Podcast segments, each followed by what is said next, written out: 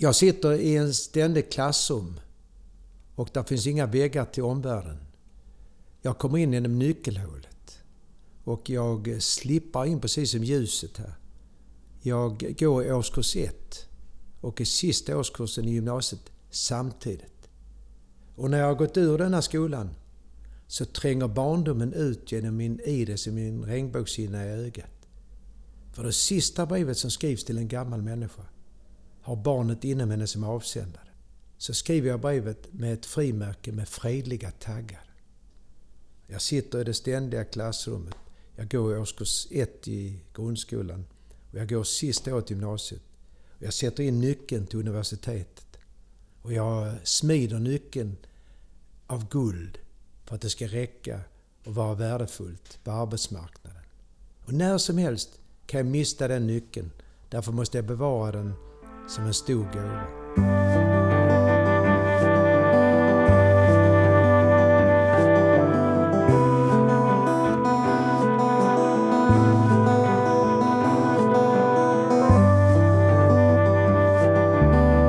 Vi befinner oss just nu på Hornsgatan 36 i Stockholm.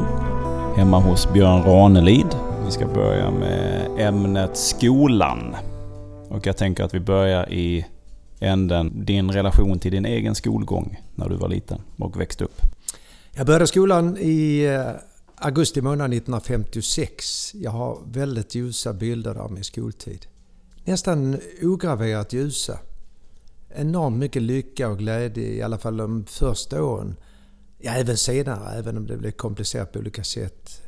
Eh, så vill jag hävda att helt övergripande så har jag i huvudsak bara ljusa minnen. Mycket glädje, duktig i skolan, flitig, tyckte om skolan.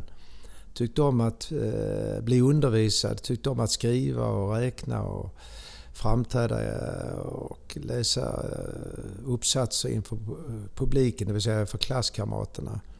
Tyckte om gymnastiken, slöjden också, så det var välskrivning. Jag tyckte om egentligen alla ämnen. Så det var inte så att jag favoriserar vissa ämnen eller ett visst ämne utan helt eh, generellt kan jag säga att eh, min skoltid på Röferskolan i Malmö på Föreningsgatan där jag gick 18 terminer, det vill säga 9 år i grundskolan. Från början hette det faktiskt folkskolan. Den konverterade sedan och blev grundskola. Från och med årskurs 4 tror jag det var att man räknade som grundskola i Malmö. Men dessförinnan folkskola. Vi fick betyg i årskurs 2 redan. Jag skrev flitigt på helgerna också utan att någon påtalade för mig att jag borde göra det. För jag tyckte det var roligt att forma bokstäver och eh, jag tyckte det var roligt att läsa. Så min första läsupplevelse är faktiskt Tusen och en natt. Som jag sedermera har återkommit till åtskilliga gånger därför den har så mycket av magi och skönhet i sig. Och just det som har att göra med författarskap, om man talar om senare i livet. Eh, fantasins eh, gränslösa räckvidd. Att det finns inga gränser för vad själen och intellektet kan åstadkomma med bokstäver och ljud. Om man talar om skrift och om tal. De ljusa minnena består av att du hade en duktig och eh, rättvis och besjälad och passionerad lärarinna. Siv Lidberg. Och eh, jag hävdar med bestämdhet, och det gäller än idag, att eh, de skolminnen de flesta människor har i världen, de är i huvudsak relaterade till vilka lärare de hade. Och i detta fallet när man börjar årskurs 1 så är det en lärare. I de flesta fall var det skolfröken. Så att eh, hon var en älskansvärd och passionerad och eh, eh, intresserad lärare. Eller lärarinna eller fröken. Så att, jag tror att hon har stor förtjänst i att jag tyckte så mycket om att gå till skolan.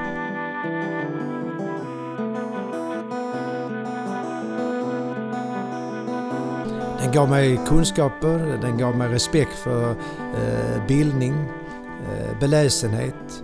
Den gav mig dessutom eh, en slags eh, skola i eh, att vara demokratisk, eh, god eh, kamrat, att inte mobba andra elever eller kamrater, att ha respekt för olikheten. Eh, vi hade ett par stycken i min klass som stammade.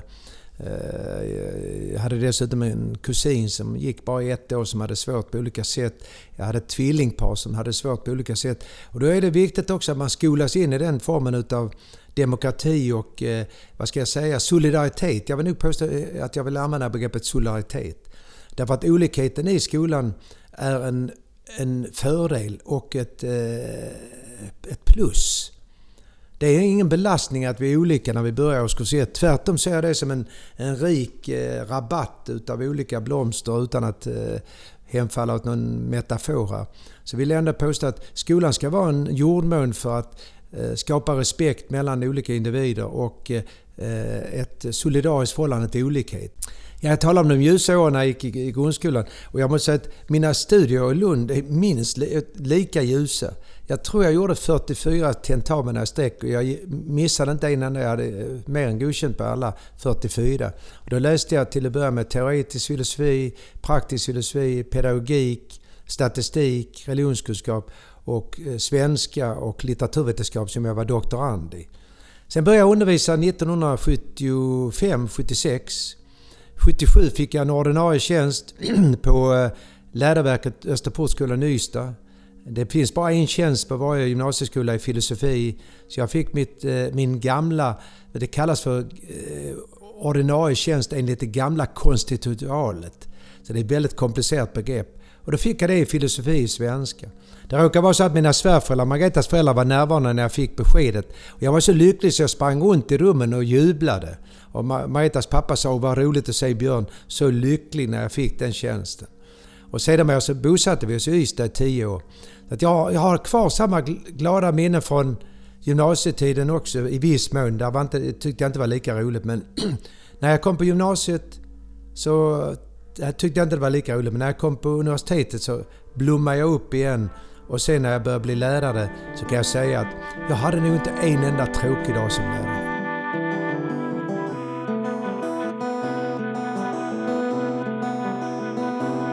Jag hade ju elever som var intresserade. De har ju vittnat om det, flera elever, hur roligt det var att gå på mina lektioner. Jag ska inte påstå att jag var en exceptionellt bra lärare, men jag var ju väldigt passionerad. Så att eh, jag tror alla mina elever, forna elever kan intyga att jag Arnli var passionerad. Han brydde sig om eleverna och jag hade respekt för dem. Och jag var dessutom väl påläst och förberedde mig väl till varje lektion. Jag var alltid 20 minuter innan jag skulle börja första lektion. Jag skrev alltid på tavlan så alla elever vet om att Björn Arnli har först skrivit på tavlan innan vi kommer in i lektionssalen. Sen har jag mängder av roliga minnen när jag tog dit Janne Olsson som var med i Norrmalmstorgsdramat på en filosofilektion när jag ville ha praktisk etik på lektionen. När några elever sa att ja, men man ska plöja ner dem i åkrarna när man gjort sådana brott som Clark Olofsson och Janne Olsson. Och då ringde jag till eh, Ystads eh, fängelse och fick dit Janne Olsson med en trädgårdsmästare. Gömde dem inne i sal 461. Och när jag bad en elev från Slimminge upprepa att de skulle plöjas ner i jorden då sa han jo, jo, det skulle jag säga rakt ut till dem. Jag gick in och kallade på Jan Olsson. Varvid Jan Olsson och trädgårdsmästaren kom in i lektionen. Det är nog den mest exemplariska praktiska, etiska, pedagogiska lektion som har hållits i Ystads historia. Det kan jag lova dig. Och den är 100% sant. Jag har dessutom skrivit om den i en bok som heter Ord. Och då har de förstått vad, vad det innebär att praktiskt utöva pedagogik och inte bara retorik och att jag säger någonting vältaligt. Jo, det är så att man kan alltid diskutera med vad en bra lärare för det är ju subjektivt och relativt. Men jag tror ändå att man måste ändå komma in till det som är svårast att tala om. Att man måste vara passionerad och tycka om sitt yrke, tycka om andra människor, tycka om ungdomar. För det går inte att komma bort ifrån det. Men det är väldigt viktigt att tala om att, att en lärare som bara är duktig teoretiskt i sitt ämne behöver inte bli en bra lärare ändå. Därför att har du inte glädjen och lusten och fröjden och passionen att undervisa och träffa eleverna varenda dag. Se dem förkovra sig. Se dem utvecklas. Och följa med deras utveckling. Vilket jag tyckte var enormt roligt. Alltså när jag hade lärt ut någonting i filosofin om det gäller sannolikhetsvärden och sannolikhetstabeller med Wittgenstein, då var jag hur lycklig som helst. Kunde jag lära eleverna, vilket många inte kan nu, skilja mellan subjekt och objekt och vad, vad är likheterna? Då skriver man dem i subjektsform och objektsform som man gör nu för man har inte lärt sig skillnaden. Man kan alltid i olika TV-program men man kan inte skilja mellan subjekt och objekt och man vill inte lära sig det heller. Vilket jag tycker är mycket, mycket, mycket, mycket märkligt. Så att, eh, det är jätteroligt att kunna säga att jag gick till gymnasieskolan och undervisade i glädje. Jag vågar säga utan att överdriva. Egentligen varenda dag. Tänk att kunna säga om sin skoltid och framförallt sin lärartid i 13 och ett halvt år. Jag undervisade också på, på eh, SFI och så undervisade jag ett år i matematik på grundskolan. Men jag hade alltså tjänst 12 år i filosofi, svenska på Östra Portskolan. Men jag kan säga utan att tumma på sanningen eller att skönmåla och retuschera verkligheten så var det ren glädje att undervisa. Och jag känner fortfarande den glädjen när jag är ute och framträder. Skolan har förändrats i många avseenden och i grunden. Och detta har att göra med alltså, respekt för lärarna. Lärarna kanske anser att de har för låg lön. Eh, de får inte den glädjen i eh, undervisningen som de vill ha.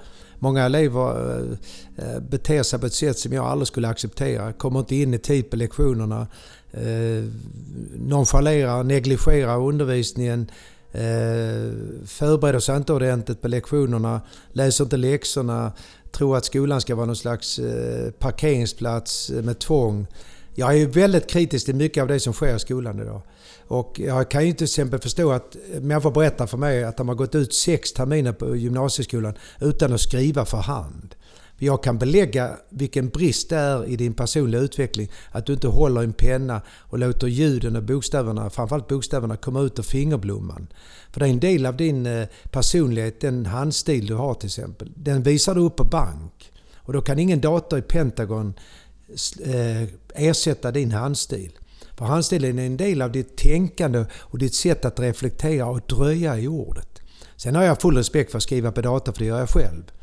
Men eh, att sitta inne på lektionerna med mobiler och, och eh, inte lyssna på lektionerna, inte ta del av undervisningen, komma och gå när man vill. Då har man brustit i det elementära. Och det kan jag aldrig acceptera.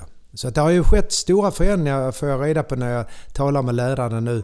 Många tappar ju sin glädje och lust till att undervisa därför att det finns en, en brist på respekt och en brist på motivation hos många elever.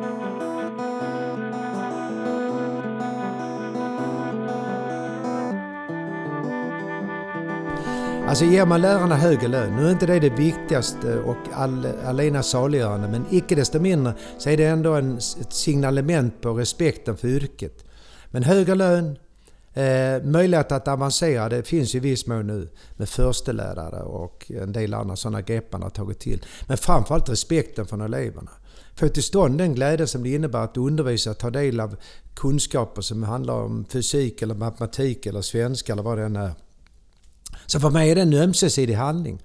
Det är dels att eleverna ändrar sin inställning, många av dem, och att lärarna får en, ska vi kalla för formell bekräftelse på betydelsen av deras yrke. De tre viktigaste yrkena, om man nu kan komparera det, och jag tar mig djärvheten att komparera. De tre viktigaste yrkena i Sverige just nu är sjuksköterskor, läkare och lärare. Och därför får man inte göra särintressen när man ska prata om löner. Det är därför så många sjuksköterskor lämnar sina jobb och eh, inte vill bli sjuksköterskor. Det är ett extremt viktigt arbete. För påven i Vatikanstaten, Karl XVI Gustav Obama, Trump har alla gått till läkare och alla suttit i skolan. Så du kan inte prata bort det. Så det och jag har samma ins, in, inställning när det gäller till exempel skillnad mellan så kallade praktiska yrken och Eh, intellektuella eller teoretiska. Jag sa till målarna som har målat vår trappa här ute att alla estetiska värden i alla städer i hela världen är till 100% avhängiga av hantverkare. Kakelugnsmakare, möbelsnickare, intarsia golven, eh, plåtslagare, sotarmästare, eh, snickarna, eh, murarna. Alla de skapar estetiska värden. Det är ingen nobelpristagare i fysik, kemi eller medicin som har skapat ett enda estetiskt värde i Barcelona, New York, London eller Madrid. Och detta måste man tala om för barnen då och säga hur viktigt det är att ha respekt för hantverksyrket till exempel. Ta bort den konstlade gränsen mellan eh, teoretiska begåvningar och praktiska begåvningar. Är du snickare då så måste du veta om att ett rum har inga räta vinklar fullt ut. Du ska lösa praktiska problem oupphörligt om du ska lägga ett parkettgolv. Så att eh, jag kan tala om detta på ett väldigt passionerat sätt och på ett, onö, eh, ett oförutsägbart sätt. Så ta bort de här konstlade gränserna mellan teoretiska och praktiska begåvningar tala om vikten av att, att lärarna får respekt och att eleverna kommer till skolan med glädje och lust. Skolan ska absolut inte vara förvaringsplats. Skolan ska vara ett pågående universitet i glädje, lust och fröjd och passion. Men grunden ska ändå vara kunskapen, bildningen och att man, som jag sa tidigare i samtalet här, en skola i solidaritet med olikhet. Och det är enormt viktigt. Så inte bara pedagogik, metodik, löner, utan dessutom att var och en som ingår i en klass och mellan klasserna och de olika eh, årsstadierna ska lära sig respekt för olikhet i utseende varifrån man kommer. Och skulle jag gå in på idrotten här nu och jag skulle gå in på hur världen ser ut så skulle vi direkt komma in på det ämnet nämligen att eh, världen står och faller med mänsklighetens olikhet. Jag kan ju lägga till de tre humanistiska axiomen. Jag lånar medvetet ett begrepp från matematiken. Ingen människa bestämmer någonsin var hon ska födas, när hon ska födas av vem som ska vara hennes mamma eller pappa. Så du kan aldrig göra dig förtjänt av att födas i ett land där du kan dricka klart vatten i klosettskålen. Och du kan inte svälta till döds om du inte är anorektiker i Sverige. Så du kan inte dö av svält i Sverige. Och har man den respekten för sin medmänniska och den inskolningen i solidariteten mot olikheten och lägger där till metodik, pedagogik, bra löner för lärarna och att eleverna känner på olika stadier hit går jag i glädje. Hit går jag med fröjd och får lära mig någonting. Men dessutom kunna komma tillbaka om man kanske inte har någon fallenhet vissa år för det här eller lust eller intresse. Man ska få kunna komma tillbaka hela livet. Det finns ju människor som debuterar som musiker och som författare i 50 års ålder. Så det är väldigt lätt att, att belägga detta, vikten av att man ska få kunna komma, eh, ha lite ut och inandning i sitt liv när det gäller yrken och intresse. Alltså det är ju det mest komplicerade av allt. För det har att göra med själsliv och hur du är som människa. Vad som driver dig som människa. Så jag påstår ju att, att lärare måste vara eh, extremt eller mycket intresserade av andra människor. Inte bara vara duktig teoretiskt utan det måste vara en, en god medmänniska. Du måste vara en medmänniska som ser din andra människa, din nästa. Jag såg ju alla mina elever. Och jag fick ju väldigt snabbt inom i mitt huvud och lärde mig namnen snabbt på alla eleverna. Precis som min fru gjorde när hon var skolsköterska. Och viktigt att man lär namnen och har respekt för dem. Så att jag påstår, eh, nu ska jag säga något som kan vara viktigast av allt vi har sagt här nu. Och det är att även läraren går i skolan. Det kommer jag på nu, på tusen av en sekund. Så det är även så att skolan är ju till för lärarna som ska lära sig någonting om andra människor. Och vad det är att innebära, vad det innebär att du undervisar. Så jag skulle till och med vilja se skolan som en, en skola för lärarna också. I livet och för eleverna. Så det blir en slags dialektik, ett givande och ett tagande.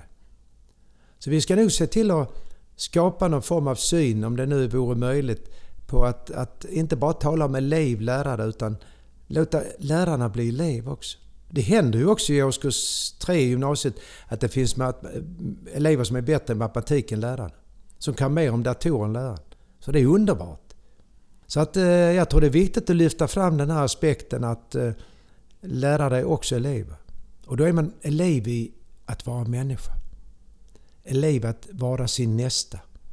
För allting bygger på att du är jag genom att du har mormor och morfar och farmor och farfar och mamma och pappa. Så egoismen och individualismen är en extrem lögn. Och jag skulle vilja lägga till till de tre axiomen att eh, varje människa finns bara i ett en exemplar. Och när hon är borta kan hon aldrig ersättas av någon annan. Och hade man behandlat varje individ och varje barn som om det vore den sista exemplaret av ett lejon, en tiger, en giraff och en eh, elefant. Då hade vi aldrig dräpt och aldrig dödat. Gullviva, nattviol och johannesnycklar är fridlysta i Sverige. Men inte barnen. Vi fridlyser alltså blommor men inte barnen. Så alla barn skulle få behålla sin barndom och det största missgreppet i mänsklighetens historia. Förutom ensamheten, att gamla människor kan dö ensamma och ligga bortglömda i lägenheter, vilket är en skam. Men att barn inte får vara barn. Utan ta bort det här med barn, barnets värld. Vi ska inte gå in i den världen och göra om dem till någonting annat än vad de är. Och då talar jag om klädsel och, och mycket annat som barn ska få lov att leka ha roligt och skoja och spela fotboll och eh, hoppa hopprep eller vad det än är nu. För mig handlar detta om en slags, eh, vad ska vi kalla det för? En enorm kärlek till barn och ungdomar som bottnar i en ömsesidig respekt. och glädjen att se att människor utvecklas själsligt och moraliskt och intellektuellt. Så för mig har detta varit en stor glädje att vara lärare, inte för min skull huvudsakligen, utan att jag kan sitta och säga nu efter det jag slutade 1989 den 13 juni, du hör jag kommer ihåg till och med datumet, att jag eh, har kvar glädjen i mig. Och den glädjen, den, den ympar jag som en liten kvist på ett träd. Så blir det städsegrönt. Även i november, december, januari. Jag har en liten kvist jag sätter på mitt träd när jag skriver. Så kan jag sitta och titta på den. Jag kan titta ut på en äng och en äppelblom och titta på rapsen även när det är vinter. Och då är rapsen och äppelblommen, det är min skoltid. Och så kan jag gå runt där och plocka blommor och springa bland träden och tänka oh vad härligt det var när jag gick i skolan. Så roligt vi hade.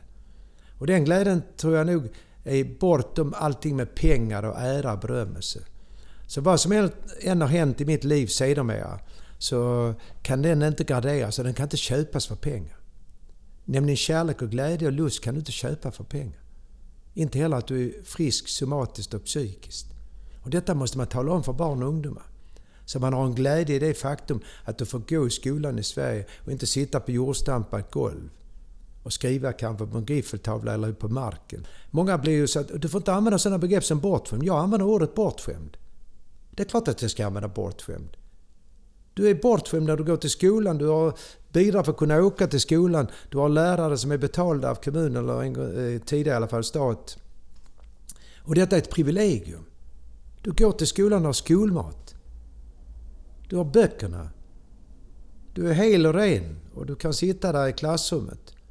För mig är detta ofattbart att man inte har talat om för växande släktet att, att vi lever under betingelser i Sverige som är extremt privilegierade. Och detta är ren undervisning. Det är bara att säga till dem. Jämför med andra länder. Inte för att det händer någon stor eh, katastrof, eller en, ursäkta mig, en stor olycka eller en katastrof, så inser man kan vara viktigt det är. Men Sverige har ju varit så förskonat.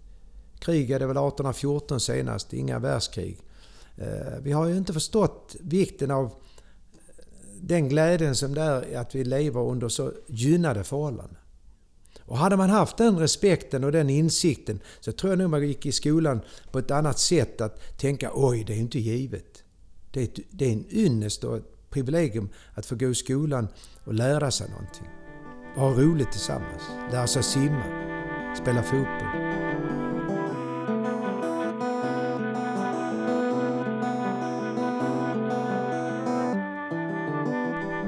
Och det är ju inte klokt egentligen om, om lärare ska vara rädda för att gå till skolan och känna fruktan inför att gå in i klassrummet. Till och med att kanske lärare blir mobbade. Att de inte vågar säga ifrån att man ska sitta ner och våga säga till en elev som springer fram och tillbaka och eh, har mobilen framme och surfar runt. Det går ju inte. Jag tror du får den respekten om du själv visar respekt för eh, eleverna. Och om du är väl förberedd. Och om du eh, visar tydligt i din undervisning att du tycker om eleverna och du tycker om att undervisa. För du kan nämligen inte förställa dig som lärare. Jag ska nu säga kanske den viktigaste meningen under hela vårt samtal. Det finns inga gömställen i ett klassrum. Du är så naken du någonsin kan bli som lärare. Du är ju en träffyta hela tiden. Och det, eleverna märker ju detta. Om du är ängslig och rädd. Eh, visar du med ett öppet sinnelag att du har respekt för dina elever och behandlar dem med den respekten så kommer du få väldigt mycket tillbaka. Alltså de flesta elever jag är övertygad om vill ha ordning och reda i klassrummet. Och de flesta elever jag är helt övertygad om vill ha lärare som kan någonting och som har förmågan att lära ut.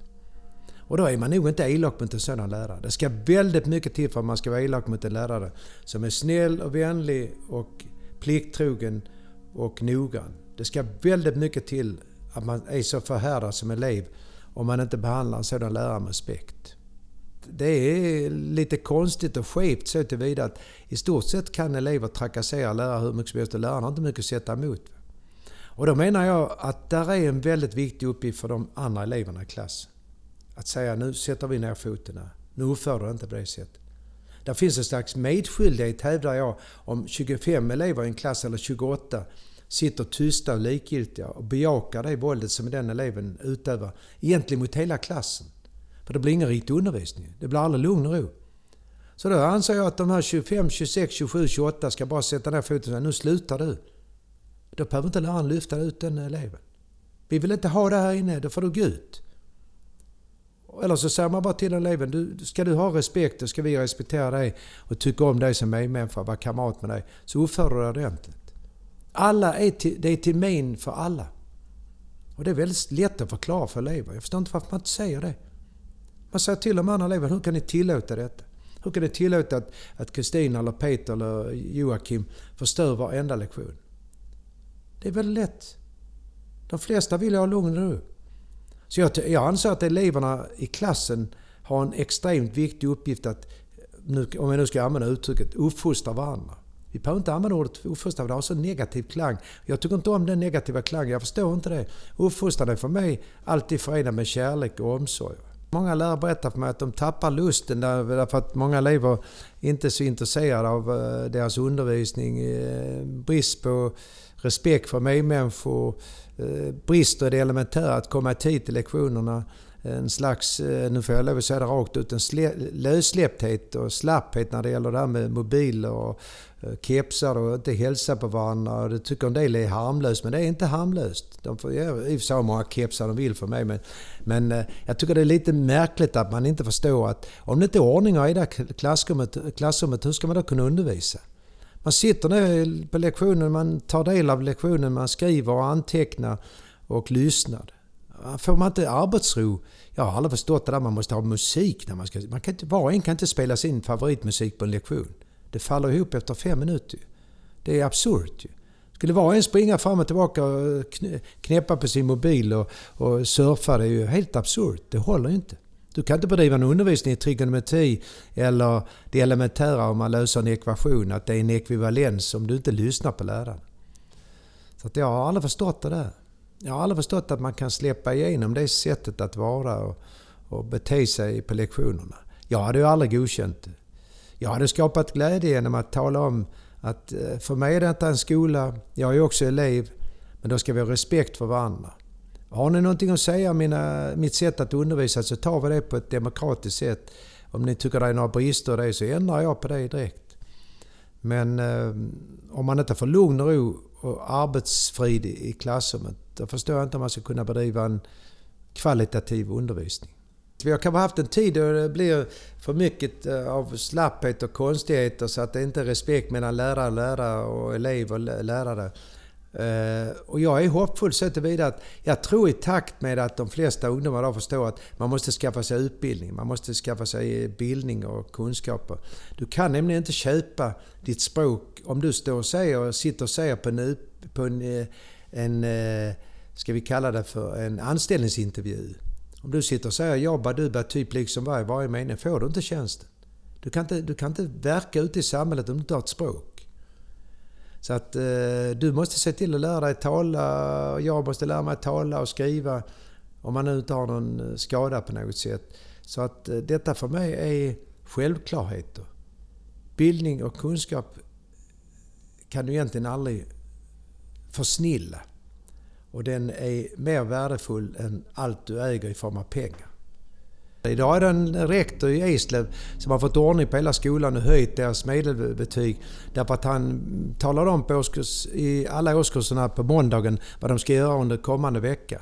Och han vill ha ordning och reda och det är för mig ingen kadaverdisciplin. Alltså, eh, skolan innebär att du tar av dig kepsen, att du eh, inte sitter med mobilen på lektionen, att du hälsar på lärarna och har respekt för dina kamrater. Detta är för mig själva grundförutsättningen för att du ska kunna bedriva eh, en lektion och en undervisning och en pedagogik som håller. Allt annat är bara trams. Alltså börjar man göra ideologi av detta och börjar prata om flumskola och annat eller vad man nu kan säga. Då har man inte förstått vad skola är. Skola är för mig en, eh, en eh, vad ska vi kalla det för, en, eh, en filial till livet.